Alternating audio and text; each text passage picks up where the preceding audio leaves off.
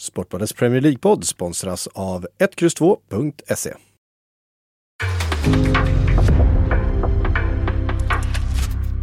En podcast från Aftonbladet.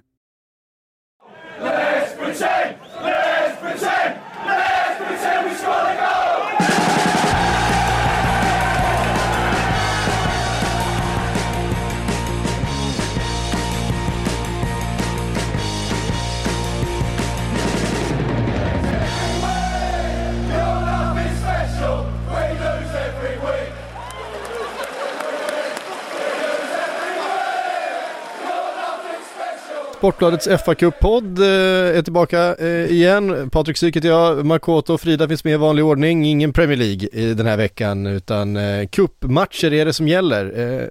En del inställda men de flesta spelade. FA-cup i första hand, den klassiska tredje rundan där vi har vant oss men det finns någon slags magi runt just de här matcherna eh, där man får se skrällar på ett sätt som man ju sällan får se annars. det här är ju den finaste rundan. Det här är ju det, här det, är liksom... den absolut finaste rundan av kuppen tycker jag. Magic of the cup. Ja, precis. Ehm, och vi fick ett par riktigt fina skrällar. Jag skulle säga att Cambridge Newcastle är eh, den största skrällen på ganska många år eh, i någon av ligorna. Alltså Cambridge som liksom är i League 2 men som ju är ett, ett pytt lag verkligen. Eh, håller väl normalt sett till nere i, i eh, National League och så vidare. Eh, Cambridge. Cambridge är väl i League One? League One. Ja, de är League One nu till och med. Jag tror du tänker på Kidderminster mot Reading, för det var ju, det var ju troligtvis helgens största skräll ändå. Kidderminster som spelar Just det, som i spelar National League. Som spelar i National League. Men Cam Cambridge brukar inte spela upp i League One. Cambridge är ett universitet primärt, det är i alla fall det jag kopplar dem till. jo, det, var, det, är, det är sant att det är det. Men alltså, de, spelar i, de spelar i League One. Fast alltså logga... I alla fall ligger dock långt ner i tabellen. Plats, plats 16 tror jag, om jag inte minns helt fel. Men när man tittar på loggan så här så heter, som heter Cambridge United också, man ser CU, tänker man ju Cambridge University när man ser det också. Eh. Jag känner bara till, jag vet ju att Dion Dublin sitter i styrelsen, han är ju ett känt namn.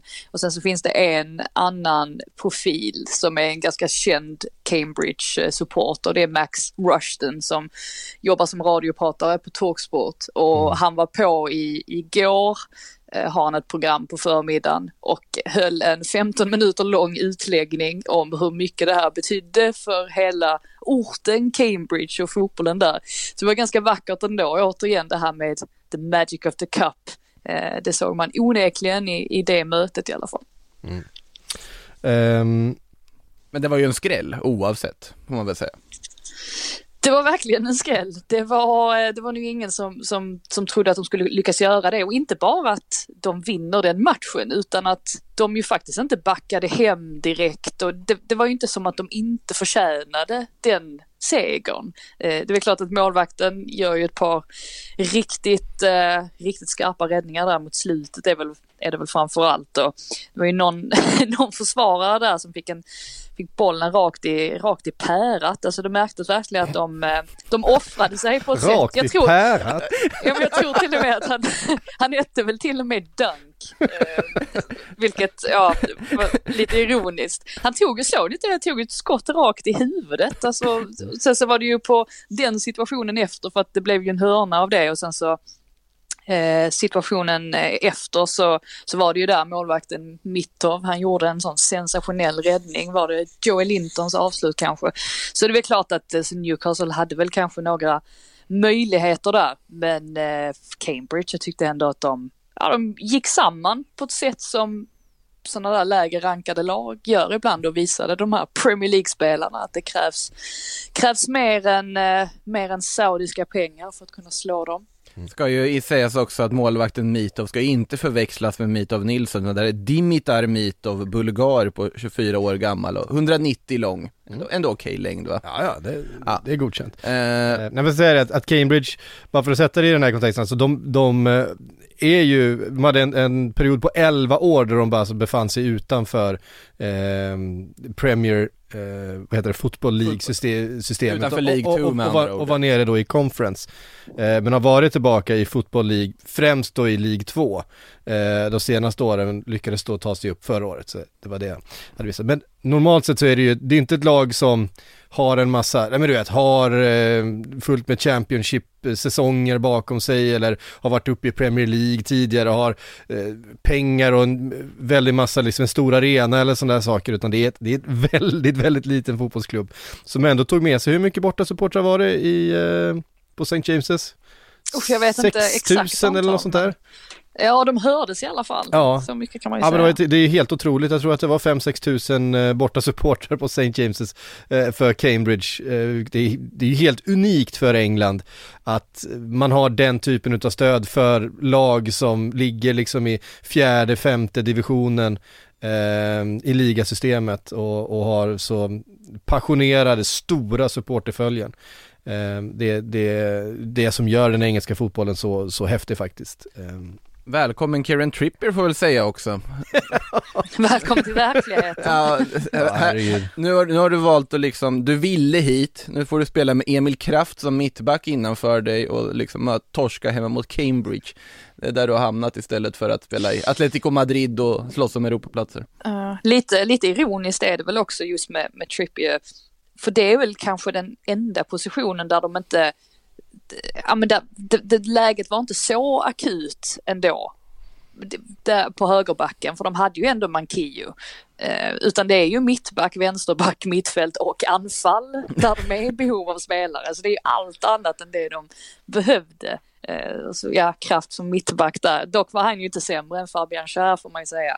Men däremot minst lika dålig som Matt Ritchie så att det vägde väl, vägde väl upp eh, för ett försvar som, som inte såg sådär jättestabilt ut. Så att ja, det är en ganska prekär situation för Newcastle nu. Och eh, sen så dessutom så lämnade ju Mike Ashley in en stämningsansökan här mot Amanda Stabley och hennes man häromdagen. Så att det verkar inte som att han är speciellt nöjd med hur saker och ting har gått till heller kring det här övertagandet. Så att, ja, det, är full, det är mycket dramatik just nu. Ja. Men eh, det lär väl hända mer där på transferfronten. De arbe- arbetar väl febrilt för att få in fler spelare och ja, det lär de nog behöva också om de ska klara sig kvar.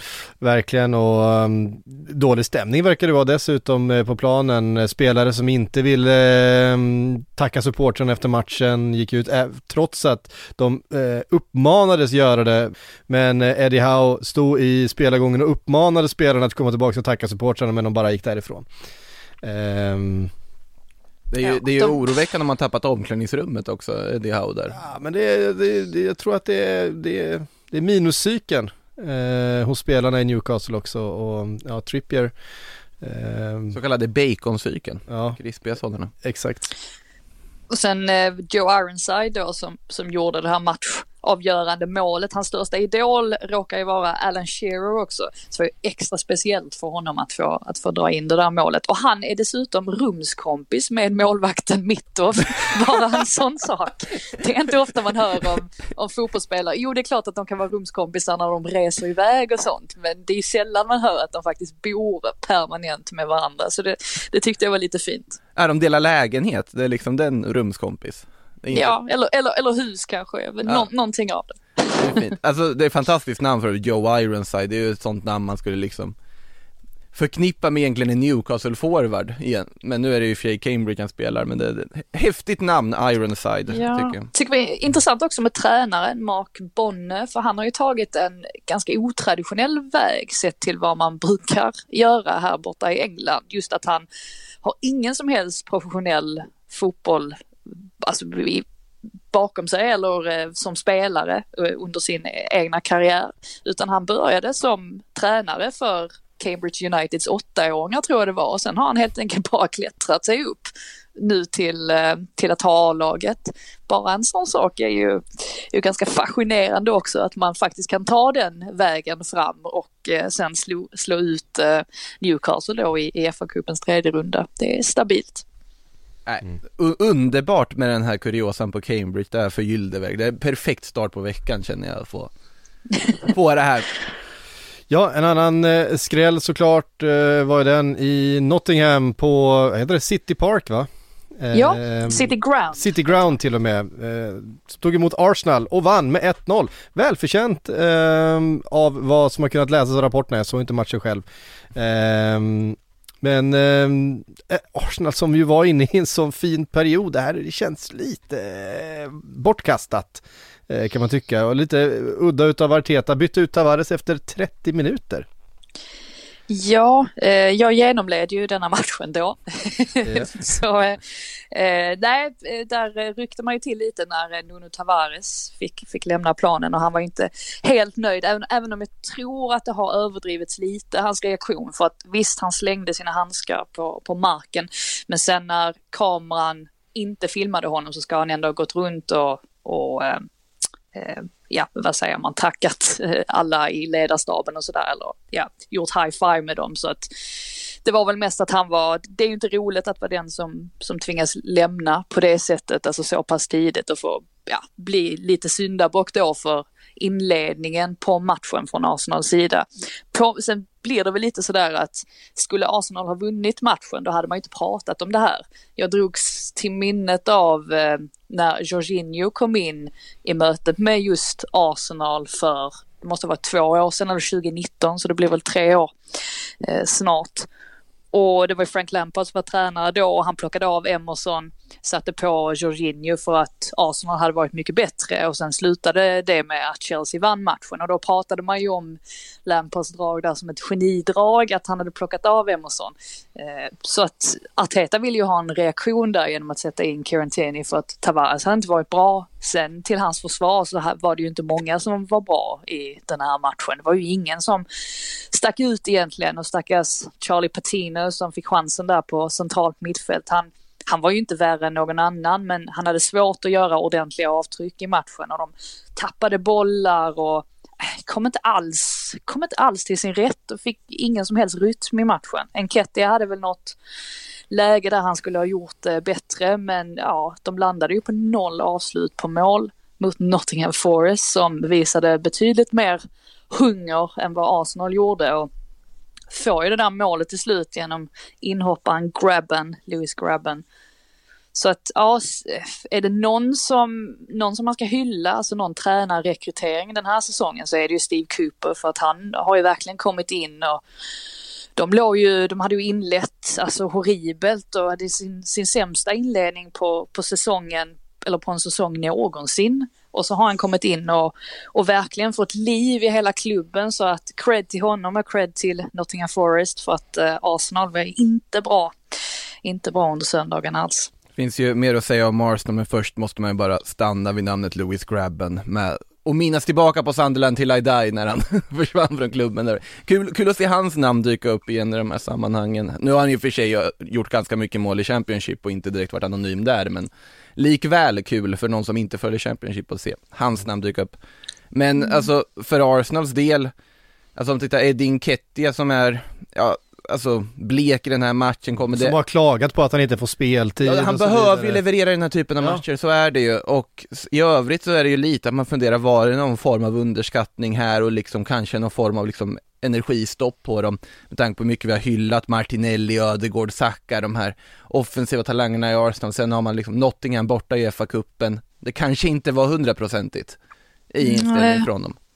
Jag tycker också att det visar att Arsenal har en väldigt bra startelva. Deras backups är kanske inte, är kanske inte de allra bästa, alltså som Cedric där på, på mm. höger, eh, högerbacken. Det är inte som att han kommer ha någon som helst chans och eh, spela till sig en ordinarie plats. Det, det såg man ju inte minst där och det centrala mittfältet där med Lokonga och Patino det lämnade ju en del att önska. Det blir ju betydligt mer stabilt med Partey och, och Granit Xhaka, en helt annan tyngd i alla fall. Rob Holding hade ju också stora problem. Jag gillar ju Holding jättemycket men eh, blev för övrigt otroligt förvirrad av att jag är helt, eh, man ska absolut få göra en hårtransplantation om man vill, men han ser ut som en helt annan människa.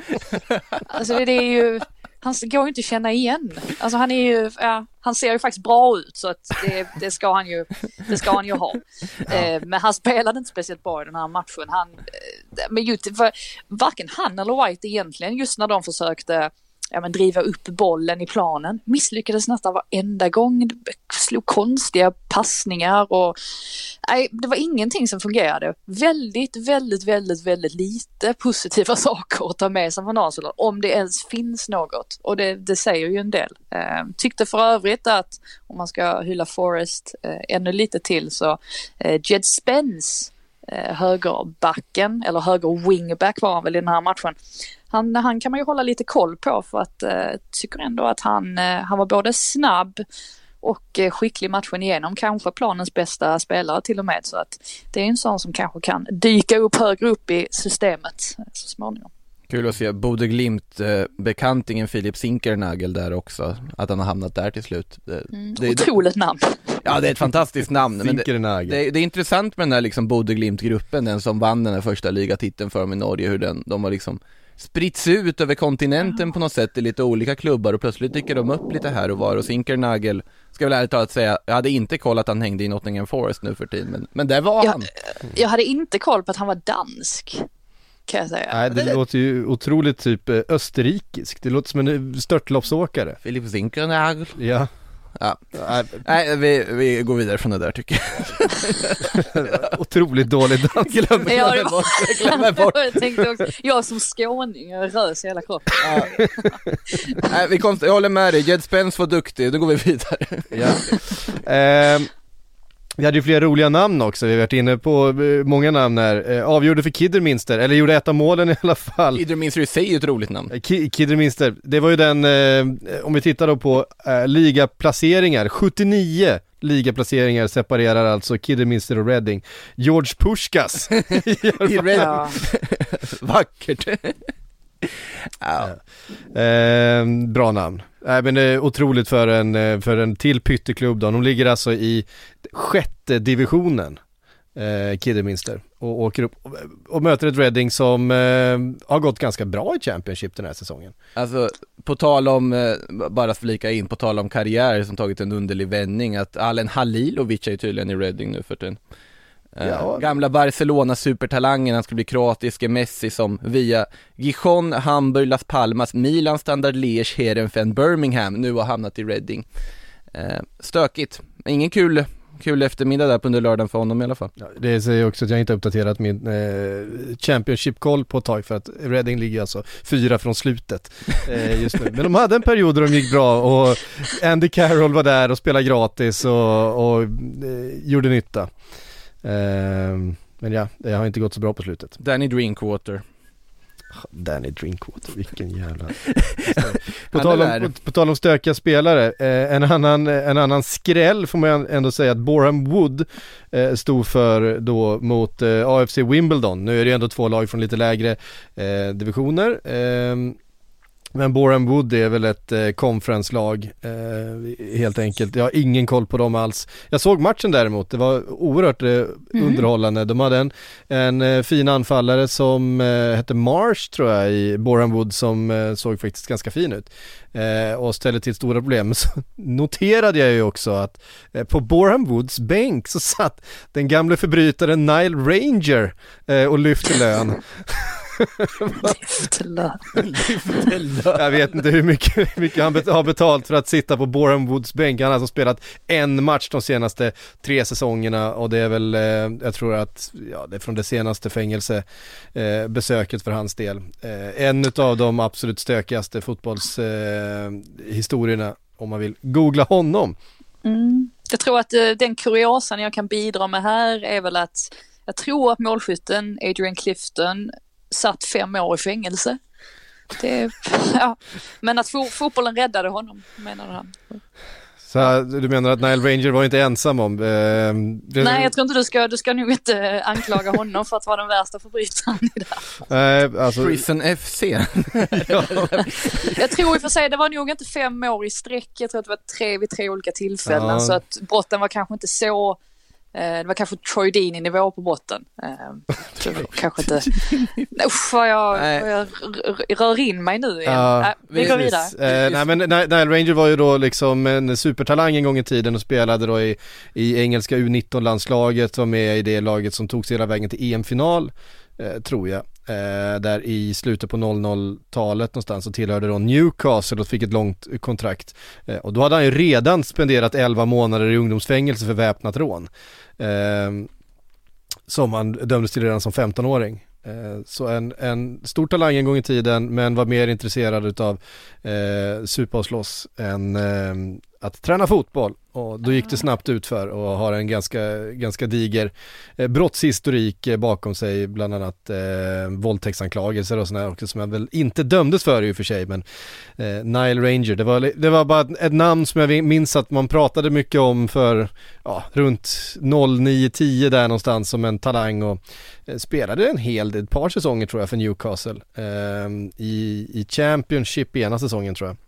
Alltså när vi är... Kan, Ja. Mm. för, jag ska bara tipsa om ett eh, program om man är intresserad av sånt här. Eh, Football behind bars med Mm. eh, Ian Wright kan man kolla upp då. Så får man, jag tror att Adrian Clifton var med där också. Till Okej. och med. Så det, det är en ganska intressant serie. Tyrone Marsh heter han jag ser här som, som var riktigt bra. Nej, vi har inga fängelsedomar på honom vad jag vet. Eh, jag ska inte säga för mycket. Vi, vi låter det vara. Eh, Men, På tal, på tal om eh, Ian Wright får jag dra en annan kuriosa då. ja, En sån gärna. här riktig fa Cup kuriosa. Det är kanske vissa som har eh, sett att Ian Wright som då sonen Sean Wright Phillips råkar också ha en son i sin tur som är ganska Mm. hyfsad på att spela fotboll och han gjorde ju sin debut här för Stoke i helgen mot Leighton Orient tror jag de mötte. Så jävla DiMaggio. jobbigt att, att det är hans barnbarn. Alltså det, Ja. Och eh, han hade väldigt svårt att hålla tillbaka tårarna, vilket är fint. Han är ju, eh, Ian Wright är ju en väldigt emotionell person. Och han drog sig verkligen med i det här då när DiMaggio, jag tror att han fick spela nästan hela matchen. Byttes väl ut med sådär sex minuter kvar eller någonting. Eh, Men Stoke vann med 2-0 i alla fall. Så att eh, de är också vidare. han, får, han får byta Twitter-bio till granddad av en FA, FA Cup player. Jag tror till och med att, han avs- att Ian Wright avslöjade att han kommer bli farfars far nu också för att DiMaggio ska vara Så- alltså de här fotbollsspelarna måste sluta skaffa barn när de är 17 Som, eh, liksom. om, om, om, ja, precis, om 17 år så kommer vi kanske få se, det är ju inte, om- alltså Ian Wright måste väl leva om 17 år kanske, eller det är inte Gud, helt ja. omöjligt. ja. Men fan Ian Så Wright, han är, se. vad är han, knappt 50? Han, han, han, Ja, gammel, han är gammel väl inte så farfar Wright. gammal. Han är kanske inte så gammal, det är bara att han känns ju i och med att man hör en massa om det här hela tiden. Nej, han är 58 så att han är Ah, okej. lite, Han är lite äldre. Född, född 63, men ändå 58 men 17 år, vad är han då? Eh, 75? Ja, det är väl klart att han Ja, det- måste Då, då, då, då är det klart att han är farfars farfar. Ja.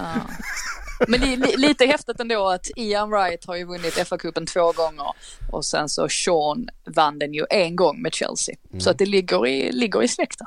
Sean Wright Phillips var fin en gång i tiden. Ja, vad, han, han har ju, var det Rangers han hamnat i va?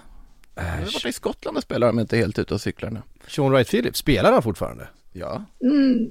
Eller?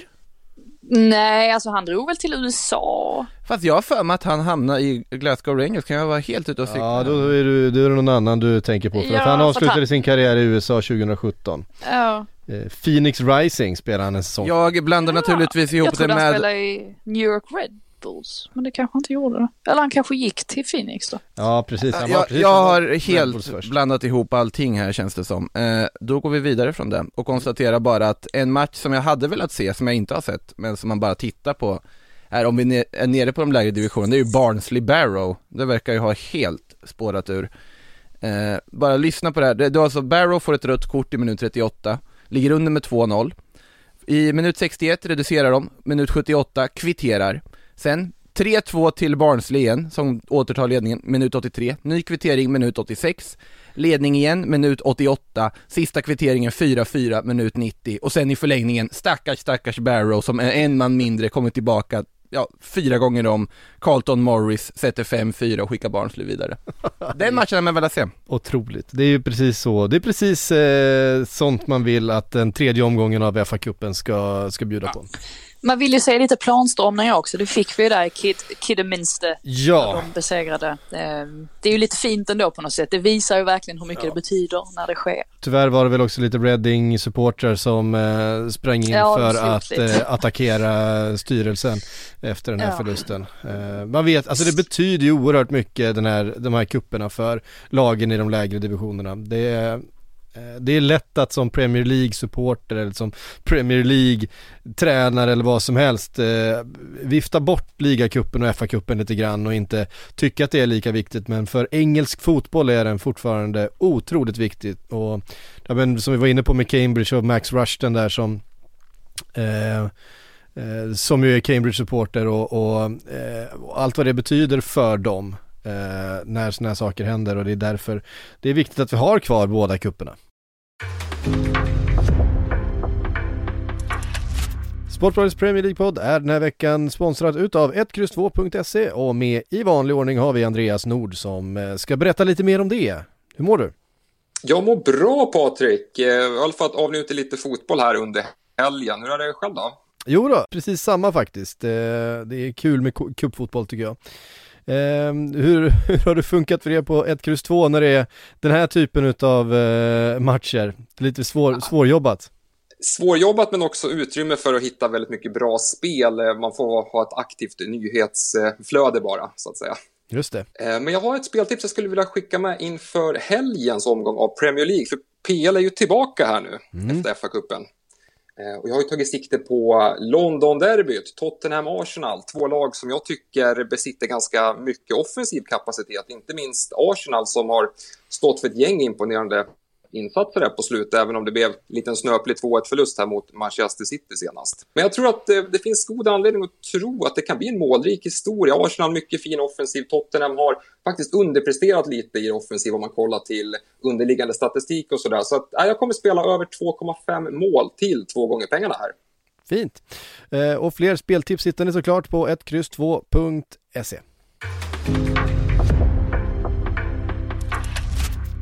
Jermaine Defoe är däremot i Rangers. Det var det jag hade blandat ihop. Det var det du hade blandat Också sjukt att han fortfarande spelar i och för sig men. Ja. Uh.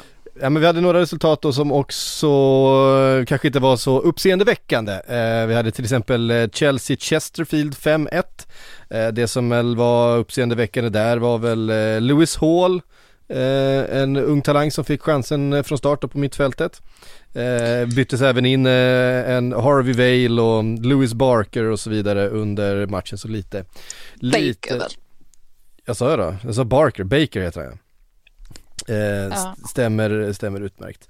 Eh, han, eh, han gjorde ju sitt, eh, han gjorde ju sin, debuterade för Chelsea om det var, nu kommer jag inte ihåg exakt om det var 2013 eller 2014 eller däromkring och nu gjorde han sitt, sin andra match det har gått, det har gått ganska många år däremellan.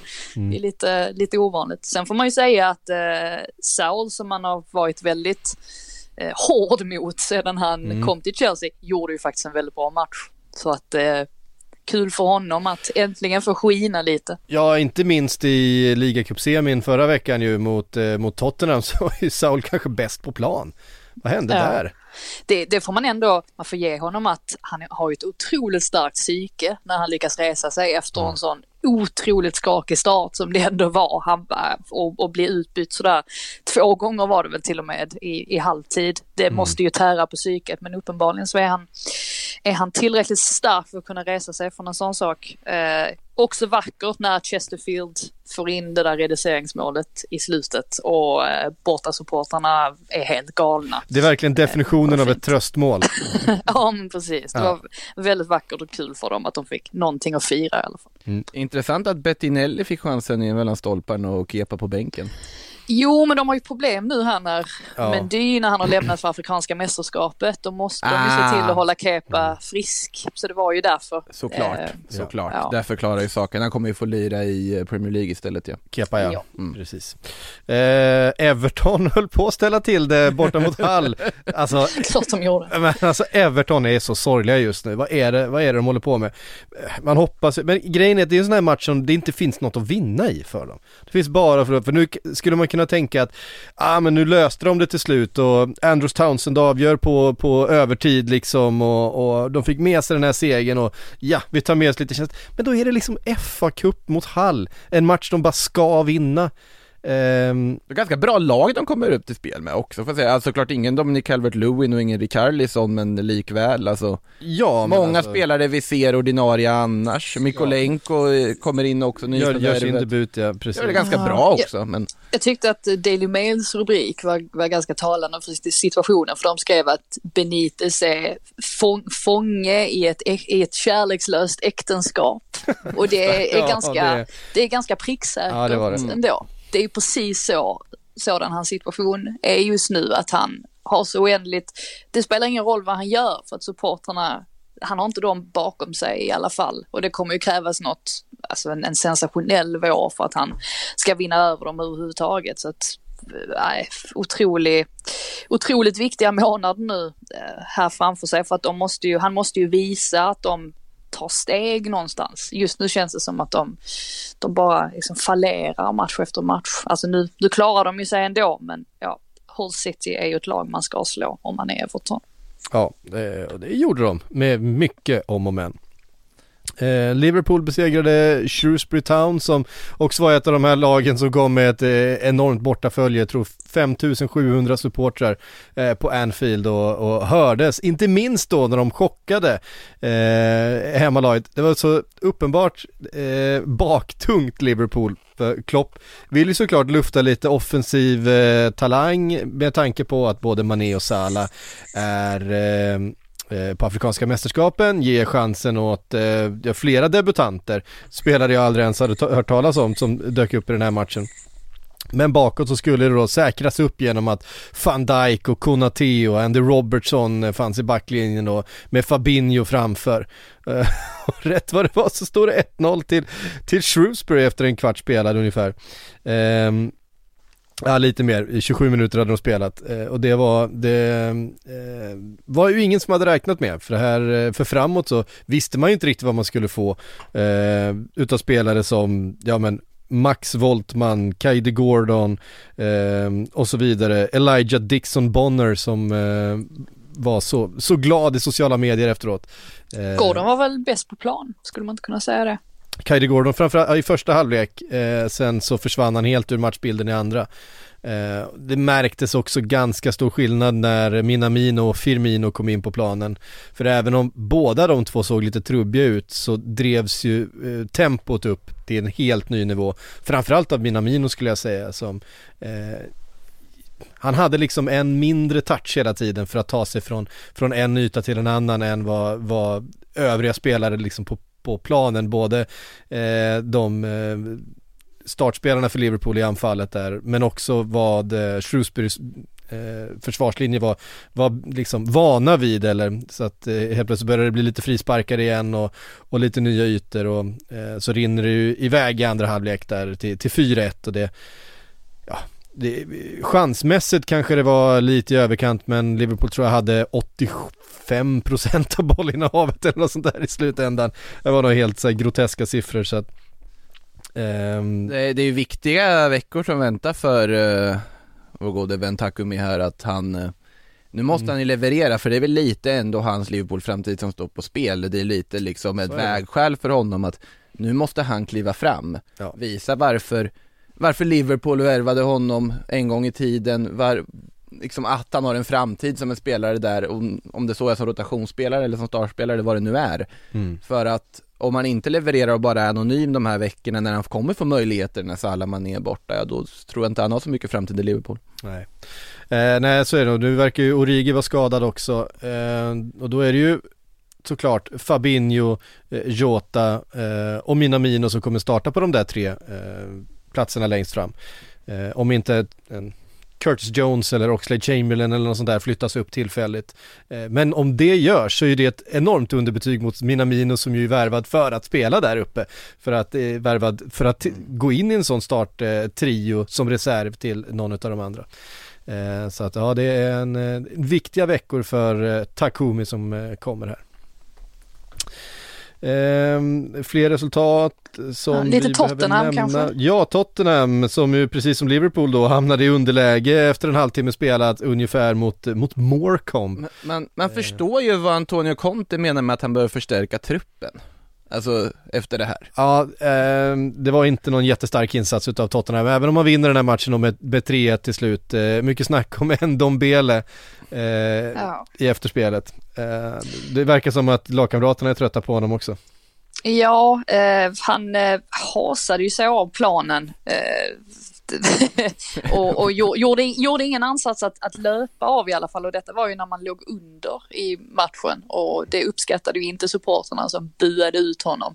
Och eh, Conte verkar också väldigt trött på honom. Det är ju, jag hörde det för, för ett tag sedan att när Conte, han kunde inte vara med på den första träningen när han kom till England på grund av, det var väl covid-skäl, men han skickade ut sin assisterande tränare på den träningen. Och alla spelare försökte verkligen visa sig från sin bästa sida, som man ju vanligtvis gör när det kommer in en ny tränare, förutom en Dombele. Han, han, han visade alltså, noll vilja överhuvudtaget och verkar ju ha oerhörda problem med sin inställning. Så med tanke på vad Tottenham betalade för honom och att ingen manager har lyckats få ut det bästa av honom så får man ju konstatera att det är ju faktiskt är en, en floppvärvning. De vill bli av med honom nu, de verkar vilja bli av med Deli Alli också. Men det är inte speciellt många klubbar som är intresserade och det är ett problem för dem. Ja det är väl, alltså Bergkvin är en annan men där känns det ju som att det finns betydligt många fler intressenter och det är en spelare som kanske inte helt gjort bort sig heller. Eh, Även man kan förstå varför Tottenham vill, vill liksom flytta på honom. Och sen är det väl om man får rätt bud på Gio Lo Celso som väl ändå gör en ganska bra match här mot Morecambe och uh, Jaffet Tanganga som har väckt lite intresse i Serie A. Men eh, nu, nu när det är inne att hämta engelska unga spelare för toppklubbar i Serie A, det verkar ju blivit en ny trend det där. Eh, Men, Ja. men alltså det, det märks ju också här att när Tottenham löser det, det är när man kastar in Harry Kane och Lucas Moura för du är i princip är tvungen att göra det. ju- de gör ju varsitt mål och visar att det här truppen är inte så bred som som kanske verkar. Harry Winks mål måste man ju lyfta också, jättevacker eh, frispark han sätter. Sen om det var meningen att det var ett inlägg egentligen, det, det ska vi låta för osagt. Nej, det var... Det var, det var jättefint mål i alla fall. Ehm, Vi ska, alltid, vi ska alltid ge sådana tycker jag. Jag det, tycker- tycker. det, men lite oroväckande måste vara att man eh, spatserar vidare. Ja, och det var ju oroväckande också, alltså som, som Conte sa efter mötet med Chelsea där tidigare i veckan, att han ja, men nästan var lite chockad över hur, hur långt bakom Tottenham är Chelsea, att det blev som ett wake-up call. Och det vet man ju, alltså Antonio Conte är ju ofta sådär, alltså rakt på sak och, och drar sig inte för att, för att säga vad han tycker och tänker. Sen är ju frågan, alltså vad det gör med en trupp. Alltså känner de sig usla nu eftersom att, ja men tränaren tränarens kommentar ihop med att resultaten kanske inte alltid går med dem eller att de måste, som i det här fallet, kämpa ganska hårt för att besegra ett lag som de ska slå. Alltså hur, hur mår de spelarna som faktiskt är i truppen? Det är ju det är ju frågan det också. Ehm, I fredags eh, så spelade också Manchester City borta mot Swindon. Alltså vad Eh, är det för startelva? Nej, jag, Borta mot Swindon. borta, bort, borta mot Swindon och då tänker Swindon, ja men vi har ändå hemmaplan och Manchester City kommer säkert ställa upp med mycket, mycket eh, juniorer och liksom lufta laget. Eh, Men han gör ju aldrig det Pep. Alltså han ställer ju alltid ut starka startelvor i. FA-cupen faktiskt, till hans försvar. Ja, Så är du kontinuerlig i det. Jag måste bara läsa upp den här. Visst det är Zack Steffen i mål då. Eh, sen är det Kyle Walker, Ruben Diaz, Nathan Ake, Joao Conce- Cancelo, Kevin De Bruyne, Rodri, Gündogan, Bernardo Silva, Gabriel Jesus och sen då ändå Cole Palmer högst upp. Men det är ju, det, det är ju, eh, ja, Det, alltså det, det, Det är det, helt är el, sinnessjukt. det är elakt nästan, eller alltså Det är Är kul för Swindon att få möta ett sånt, Är- sånt city såklart men alltså ja. Är det den starkaste startelvan någonsin i FA-cupens tredje omgång? Eller någonsin, i alla fall de senaste 20 åren sedan eh, liksom storklubbarna började rotera eh, den här helgen. Eh, Ja, och, och, grejen är ju att hur, hur skulle han försvaga trupp? Alltså han har ju så många spelare, Guardiola, att han måste ju nästan starta en stark startelva i, i varje match för att han ska hålla alla nöjda och glada. För de, även om detta inte är en högprofilerad match så vill ju spelarna fortfarande spela. Så att han har ju snarare det problemet att han ska hålla alla, hålla alla på gott humör.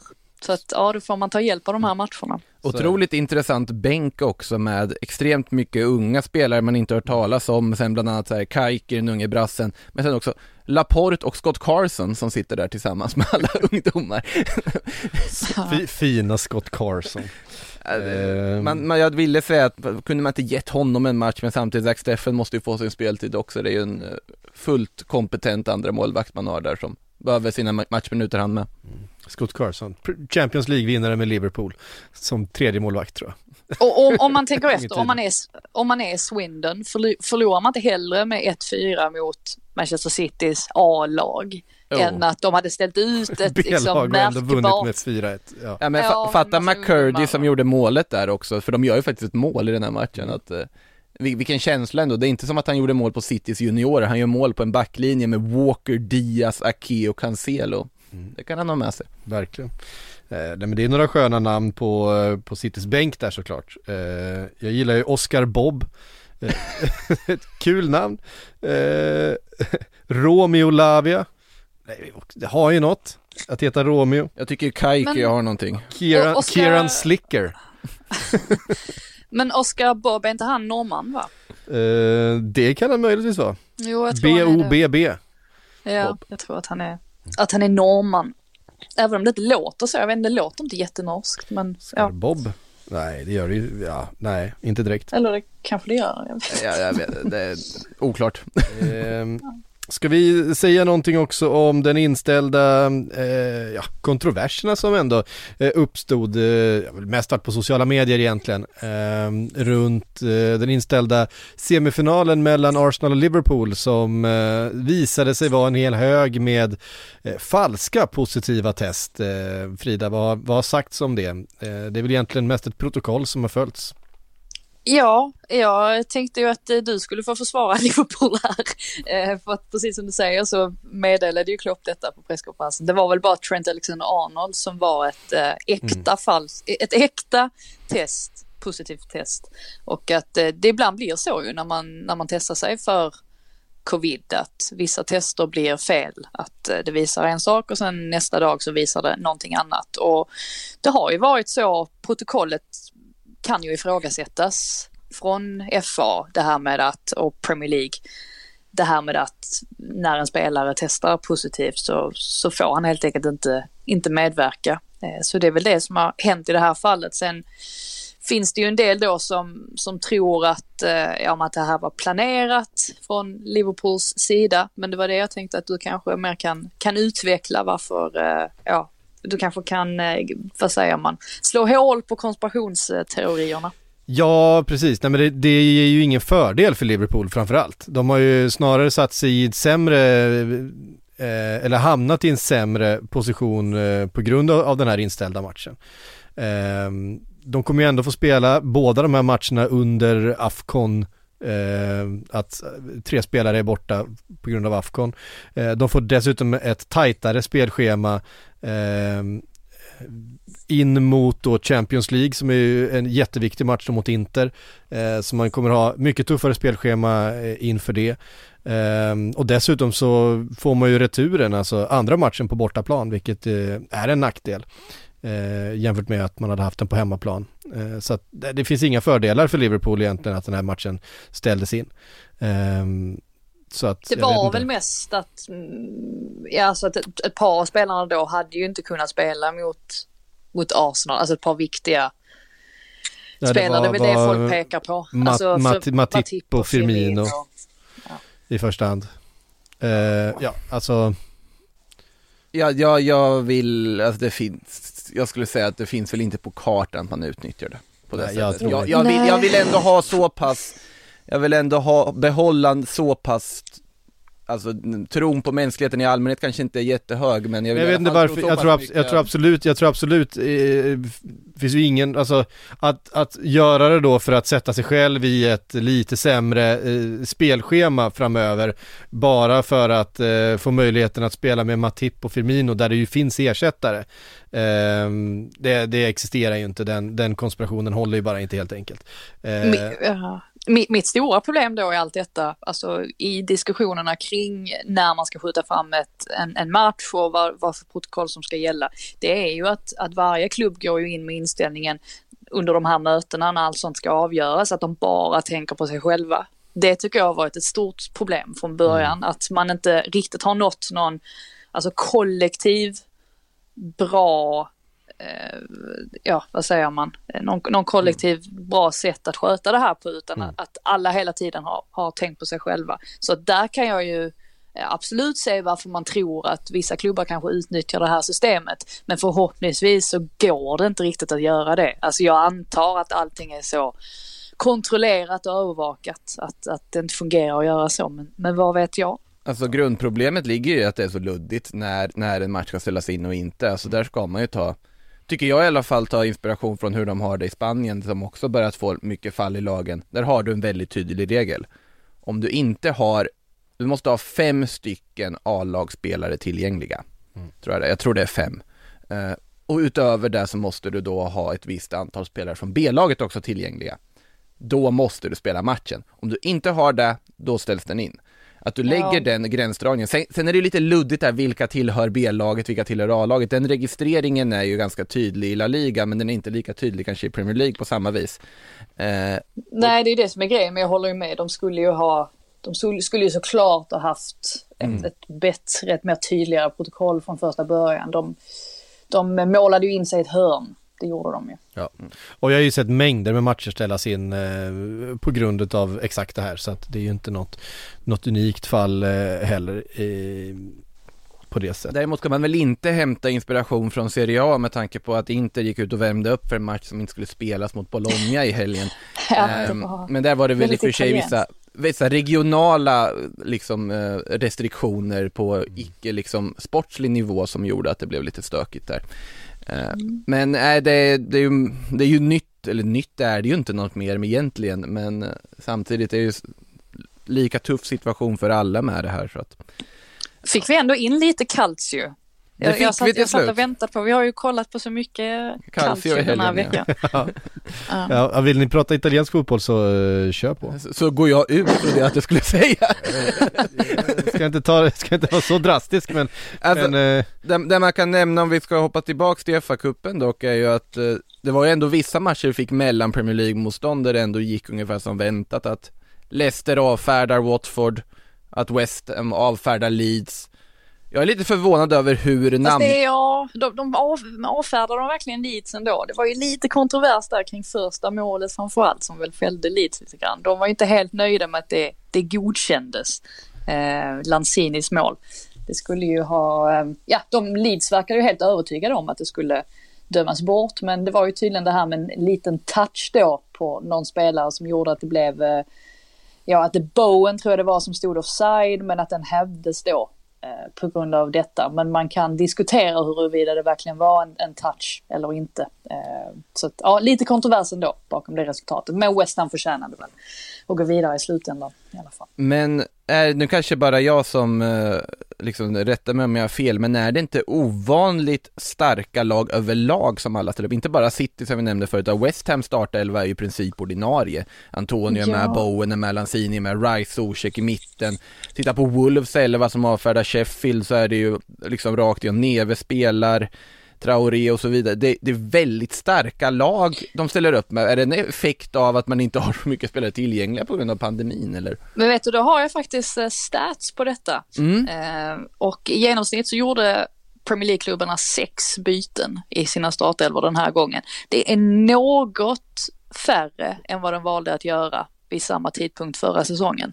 Eh, men det är, inte, det är inte jättestor skillnad, men ja, lite, låt säga att det kanske är att man har en, en fler ordinarie spelare i startelvan jämfört med samma period förra året. Så att det, totalt, jag tror det gjordes 105 byten totalt under helgen. Eh, nu har ju två matcher inte spelats då, men det går ju att jämföra med 128 ett år tidigare. Så att, Det där ja, finns en liten indikation i alla fall. En viktig aspekt där är ju dock samtidigt då att lagen som spelade, som det jämförs med bytena, var ju i sin tur ganska liksom roterade i och med covid-läget i alla lagen.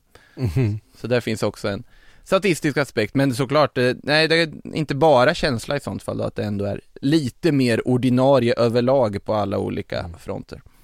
Ehm, och det har ju säkert med, med det att det har varit stökigt och vissa lag har ju också vilat rätt länge. Alltså vi har ju Leeds har ju inte spelat speciellt mycket matcher eh, den här vintern. De behöver ju kanske matcha igång sina spelare Mm. eh, också inför en tuff period som kommer.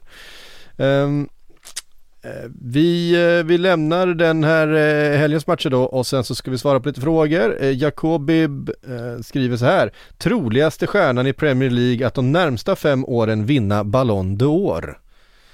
Mm. Oj. Ja, om Salah säger att Egypten vinner eh, Afcon nu och han eh, är såklart stora stjärnan där. Eh, Liverpool vinner Champions League eller någonting eh, i den stilen och han, han är ju uppenbarligen en av världens bästa spelare och är i konversationen redan. Eh, så har han ju möjligheten om vi tittar på lite kortare sikt. Om vi tittar på fem år Haaland kanske kommer till Premier League inom fem år. Håland eventuellt. Eh, vad har vi? Jag Ska- tänker, ska vi räkna- jag, måste, jag måste man måste spela ett lag som, som vinner saker.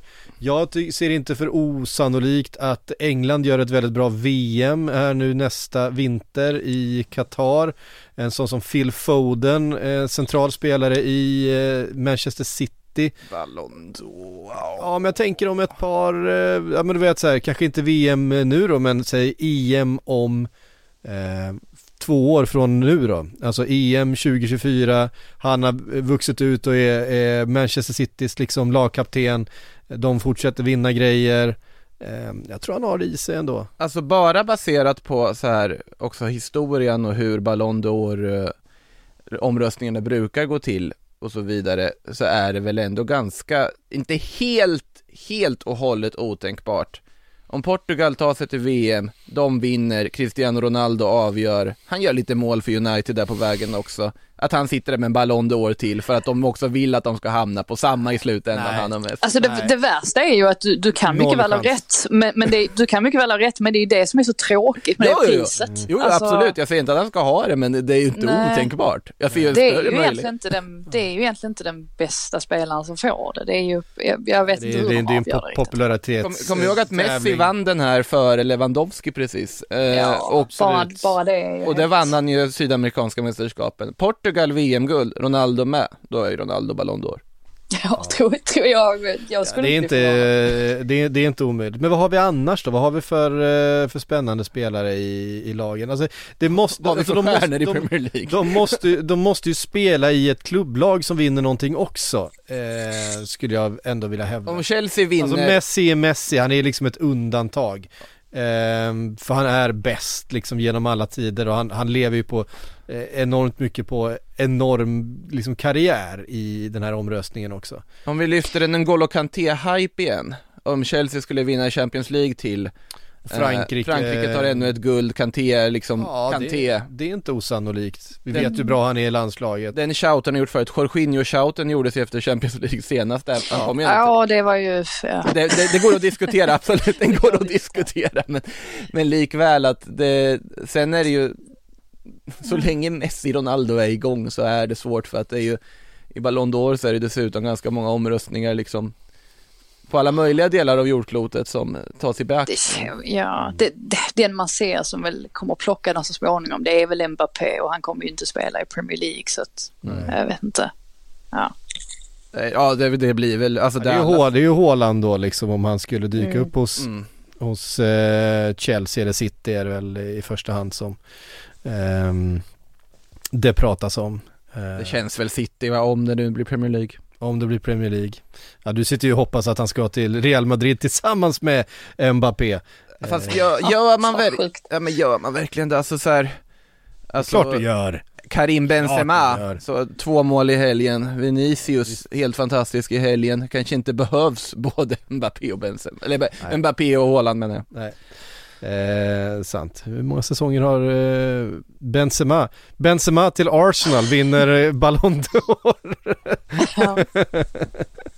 Är det dags? nu är det dags dags? för Benzema till Arsenal. Eh, Ja men Kevin De Bruyne, Bernardo Silva, så de här ska man räkna ja, bort. Bernard, Bernardo Silva absolut.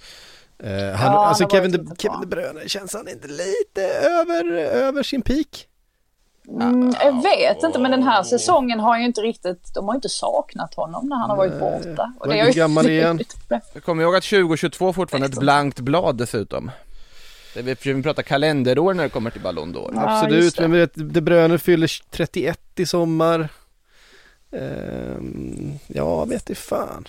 Vet i fan. Han är, Jag ska- han är fortfarande en av, en av ligans bästa spelare ju såklart. Absolut. Men eh, jag håller med om att man kanske inte har man har väl inte, det har väl varit lite ryckig, en ryckig säsong för honom också. Mm. Så att, eh, ja, kalender, ja då kanske han... Ja, det är också beroende av att Belgien gör något i ett mästerskap också. Vilket de i och för sig aldrig gör. Nej, och de, deras peak är väl förbi om man ska prata om belgiska landslaget. Ja, alltså när de, när de eh, hade Hazard och De Bruyne liksom på sina pikar samtidigt. Eh, men inte fick dem att lira tillsammans. Det ger ju oerhört mycket ekon utav eh, Gerard Lampard eh, på sina pikar samtidigt eh, i VM 2006. Men fick inte till ett system där båda två fungerade.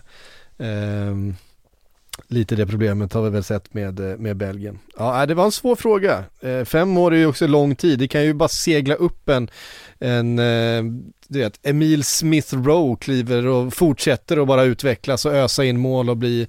Eh, Nej. Snarare Bukayo Saka jag, i tror, så ja, fall då va? tror jag Saka. Ja, kanske snarare Bukayo Saka. Men eh, jag bara tog någon som är, liksom, kommer ha sin peak om fem år. Men Min, min förhoppning på den här frågan, om vi bara, om vi ska dra ner det till det här året, det är ju att West Ham tar CL-platsen, Mark Noble avgör och sen bara på något vänster, det är en helt fantastiskt år och så har vi Mark Noble med en Ballon d'Or.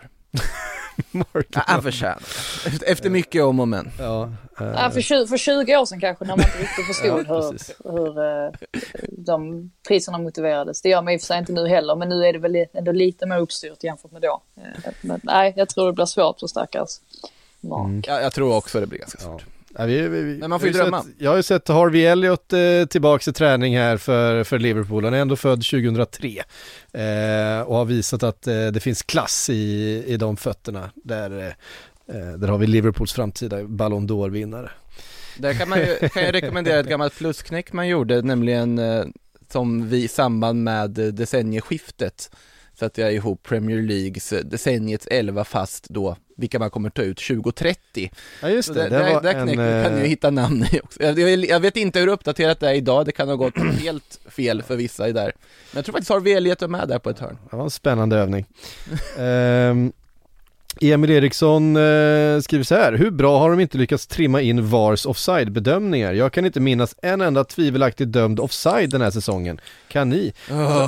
Över, nej. överlag så får man ju säga att de har ändå skruvat till VAR. Ehm, Det är bättre nu ja. det är väldigt mycket bättre nu. Sen så har vi ju sett senaste tiden att det har varit en del kontroversiella eh, domslut och att eh, det inte funkar perfekt eh, på något sätt. Nej, och nu är det snarare, alltså i helgen då, om vi nämnde det här med Lanzinis mål och att Bowen stod offside, men att det målet ändå godkändes. Den här helgen har det snarare varit lite sådana problem, alltså som Cambridge mål. Det är ju samma sak där, att det är John Joe Shelby som får en, en, eh, ja, en touch på bollen och så blir det en ny en ny situation eller att VAR räknades som en ny situation. Nu har vi snarare sett, sett de grejerna där man ju faktiskt kan diskutera i oändligheten också i vissa fall att, att ska det verkligen bli en, en, en andra situation. Eh, Så att det är väl, nu på sistone är det väl, är det väl mest det man har lagt märke till. Ja, men det har också varit några så här, vad har VAR plockat upp och inte? Manés armbåge, Keynes tackling eh, och lite sådana där saker som man har eh, funderat över vad, om VAR ska kliva in på eller inte. Men just den där typen, det som var mest frustrerande för säsongen var ju faktiskt de här offsiden som inte någon människa ens med blotta ögat kunde se men som datorn plockade upp med någon millimeter eh, här och Vi har, vi där. har sluppit dem lika mycket, sen, sen det, det, för det var ju Ja det var ju det värsta som fanns, alltså man blev ju Ja. bara frustrerad för att det ska inte vara så där. I linje tycker jag fortfarande ska Ja. finnas, jag, jag förespråkar det. Kon, vad heter det? Men visst, visst har det varit några situationer där det har varit väldigt, väldigt, väldigt knappt. Jag vet inte, Varför jag bara blir nu- det ju så kom- fort du drar Men- någon form av linjer? Ja, men jag bara någon sån där liksom hur, där man har suttit och tänkt hur kan det här vara offside? Men ja, jag kommer inte på något exempel så att det, det, Det är ju positivt. hjälper inte. Eh, team ZZZ eh, undrar också om det här med domarna. Hur ska man lösa domarproblemen i England? För om man kollar på domareliten i världen så finns det inte en enda engelsman där. Och ändå dömer de den ligan som betraktas av många som den bästa ligan i världen. Och vi pratade om det, eh, ifall det var förra veckan eller förra, förra eh, om att de har svårt att rekrytera helt enkelt mm. domare i England. Eh, så frågan är, det har ju varit uppe många gånger, ska man börja importera proffsdomare från andra länder? Nej. Alltså man, man måste ju se över sitt system för det första, alltså hur man mm. rekryterar nya eh, domare. Sen tror jag också att det är viktigt att, att kolla på arbetsmiljön. För mm. att det är ingen trevlig arbetsmiljö som domare har just nu och det kan mycket väl inverka på att vissa väljer att göra någonting annat. Sen har vi hela den ekonomiska aspekten också att domare tjänar väldigt, väldigt lite i början av sina karriärer, vilket också gör att många som kanske hade varit väldigt fullgoda alternativ väljer bort då eh, den karriären för en annan för att det helt enkelt inte är ekonomiskt lönsamt. Ehm, så att det finns ju vissa sådana grejer där man faktiskt kan börja kolla lite mer på det och eh, kanske försöka få in en, en annan typ av människor också. Nu är det ju väldigt mycket samma eh, alltså samma, samma män så att säga. Eh, så att man, eh, jag tror definitivt att man kan vidga sina vyer betydligt mer än, än vad man har gjort domarorganisationen. Så det är väl sådana saker man får, man får kika på. Eh, för i nuläget så nej, det finns ingen, ingen tillväxt alls nej, bland det, domare och det är ett stort problem. Det är ingen som tagit, alltså vi hade ju Howard Webb som var en av liksom världens absolut skickligaste domare och dömde de största matcherna. Vi hade Mark Clattenburg som var en av de skickligaste och dömde de största matcherna. Men det är ingen som tagit över efter det från England liksom som Alltså det är väl Michael Oliver som är närmast Ja det är väl närmast ja Men uh, ja, Clatten... Och han är ju, han är ju oftast bra får man mm. säga Clattenburg var väl värvat i Saudi dessutom på tal om det här med lönerna Ja, han har hållit på med mycket, mycket fuffens. ja, han, han, han, gillar sitt rampljus, det gör han. Det, det, är synd att Mike Dean inte är riktigt bra, för det hade ju varit en sån man hade velat skicka ut i Europa. Mike Dean är inte så dålig domare Nej. som du, jag, många jag ska ha det, ha det till. Ja, han är ju... precis försvara honom ja, också. Han är ju... Ja, för jag älskar Mike Dean, så att... Eh, han är, han, han är, han är, han är teatralisk. ja, och det, det gillar man. Ja, men han är inte så dålig domare. Men det är som Matteo Lahos. Ja, men det, det är samma sak. Han är, han är en jätteskicklig domare. Han är ja. en av de bästa domarna i Spanien. Vet, det var någon situation här i helgen mellan, eh, vet inte om ni såg det där med blodviten i eh, mm. Betis Rayo. Ja. Eh, så var det ju där att den domaren gjorde ju en situation av det här. För han bara tappade fullkomlig kontroll. Det var ju han som var argast av alla i situationen. Och där hade ju liksom en domare som Matteo Lahos hade ju gjort en grej av det men han hade ju fått kontroll på det. För att han har respekten från spelarna och så vidare. Mm. Eh, men han är en jätteskicklig domare, bara att så fort rampljuset slås på, då, då vill han synas, då vill han vara i centrum. Men de domarprofilerna vill vi ju ha också, det är så underhållande. Ja. Ja. Jag sitter inte och säger att McDean är världens bästa domare, men Nej. jag bara liksom påtala att han kanske inte är så dålig som folk har. Det finns, sämre, det finns sämre. sämre domare ja. i Premier League. Eh, ja. Men det är också, det, det, är lite som du var inne på, det, ett stort problem är ju att många av domarna liksom är lite skapade i, i Mike Rileys eh, form. eh, det, det är eh, det är lite för, för mycket av samma, samma ja, profil. Och, och att de som kommer upp har ju det oftast väldigt kämpigt i början. Alltså tänk på en sån som David Coote som är ganska ny. Mm. Uh, nu har väl han kommit in i det lite mer, men jag vet ju där i början man reagerade på varje match och att man tyckte att han var ute och, ute och cyklade. Men uh, det tar väl lite tid för dem också att komma in i det. Men jag tänker, någonting borde man ju kunna göra, kunna se över utbildningen och, och sådär och kunna förändra det i grunden. Ja, nej men det, det, ja men David Coote är ju en, men sån här som Graham Scott är ju en domare man, jag tycker mm. man inte har sett jättemycket bra ifrån. Sen, sen, tycker jag dock att den här diskussionen kring att ja, men det ska vara så mycket sämre domare i England och varför man ska rekrytera.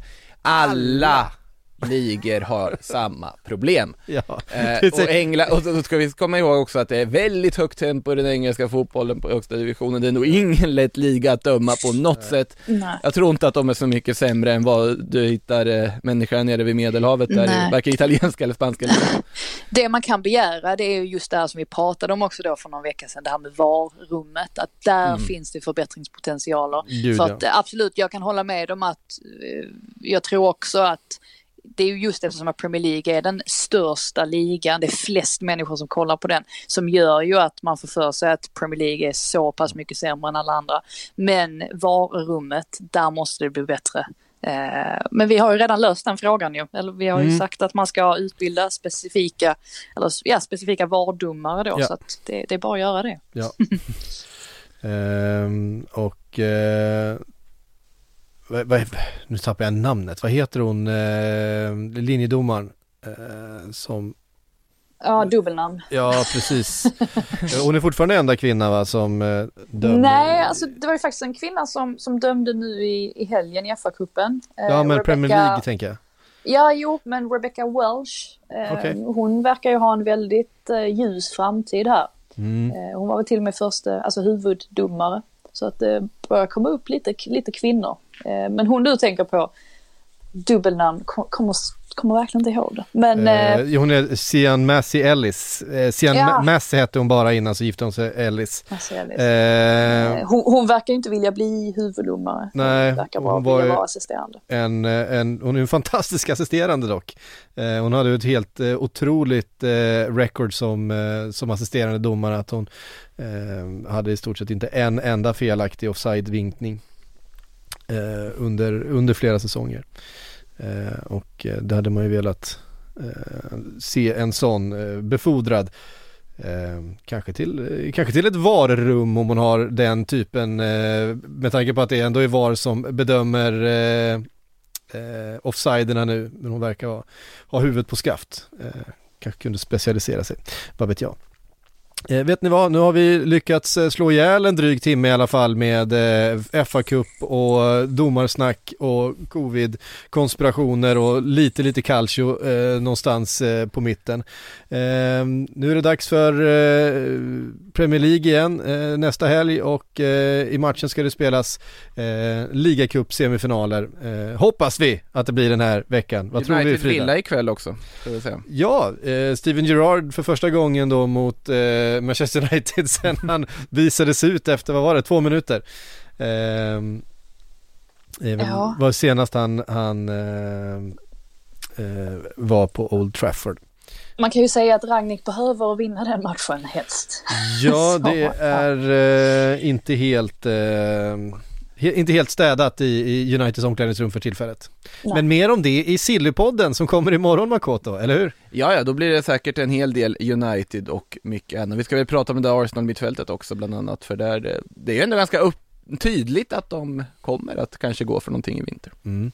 Eh, och säg att det blir eh, förlust för Manchester United ikväll mot eh, Aston Villa. Då kommer vi ha minst fem sex nya rykten. Aston Villa, kom, Aston. Villa kommer vi börja prata om oavsett med tanke på att eh, det verkar ju inte Ja. bara vara Coutinho som är på väg in där. Det, vilket fönster de håller på att göra. Luka Ja, Ding till och Ja, med. jag ska tycker- de, ja. Hijackar den också framför alla Premier League-konkurrenter, vad det just nu verkar de. Vad- Villa, Villa investerar, det har vi ju sett i flera, flera säsonger nu att de, Mm. de är beredda De har- att de har öppna pengar. Plånboken. De har det gott om finns pengar. cash så att Mm. säga. Verkligen och det vore ju något om eh, Coutinho klev in redan ikväll va? Ja, det ska, nu när vi ändå har just kupptema ska det faktiskt bara slänga in här. Ni som vill se mer calcio, eller alltså se och inte bara höra om mer calcio, så sänder vi Coppa Italia på Sportbladet. Just det. drar ju igång här nu. Och du kommenterar. Ja, vissa matcher även kollega Anna Rydén i kommentatorsbåset. det. Så det kommer en hel del Coppa Italia och så Coppa del Rey också sen tidigare har vi också på Sportbladet. Så att både italienska och spanska kuppen ser ni ju på Sportbladet med plusabonnemang. Mm, fint. Eh, hörni, tusen tack för att ni har lyssnat idag. Tack Makoto och Frida för att vi var med. Ehm, eh, vi säger på återhörande.